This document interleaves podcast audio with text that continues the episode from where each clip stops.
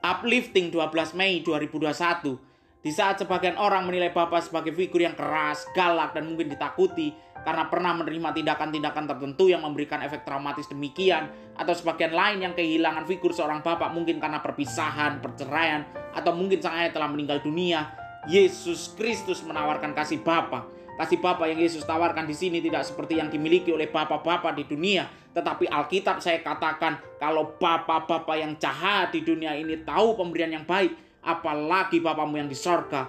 Bapak yang di sorga ini bukan Bapak kita yang telah meninggal. Bapak yang di sorga ini bukan malaikat atau roh-roh kentayangan. Tetapi Tuhan sendiri yang ingin membangun hubungan dengan manusia. Bukan seperti pencipta dan ciptaan. Tetapi selayaknya ayah dan anak. Alkitab sekali lagi mengatakan seperti Bapa sayang kepada anak-anaknya. Demikianlah Tuhan sayang kepada orang-orang yang menghormati dia.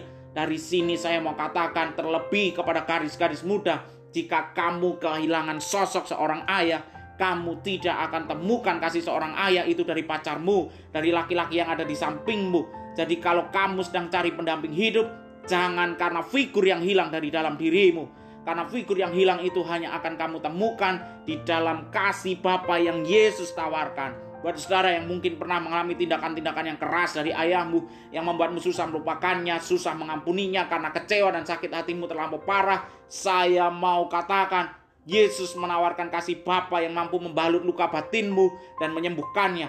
Saudara, orang-orang di sekitar kita gampang mengecewakan, tetapi saya mau katakan sekali lagi, Yesus adalah Bapa yang baik.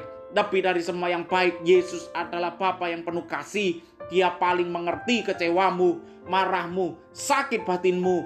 Dia adalah Bapa yang mengasihimu. Dia Bapa yang menyediakan pelukannya untukmu setiap waktu. Dia adalah Bapa yang memperhatikan dan selalu menganggapmu. Hanya yang perlu kamu lakukan adalah buka hatimu, terima dia, dan percaya dia sebagai Tuhan yang juga akan menjadi Bapamu. Saya berdoa malam ini tidak tahu siapa pun saudara yang mendengar ini, tetapi melalui roh kudus, saudara akan mengalami dekapan yang hangat dan berbeda. Bukan hanya sangat nyaman dan menenangkan, tetapi juga membuatmu bisa memaafkan ayahmu. Di dalam nama Yesus. Amin.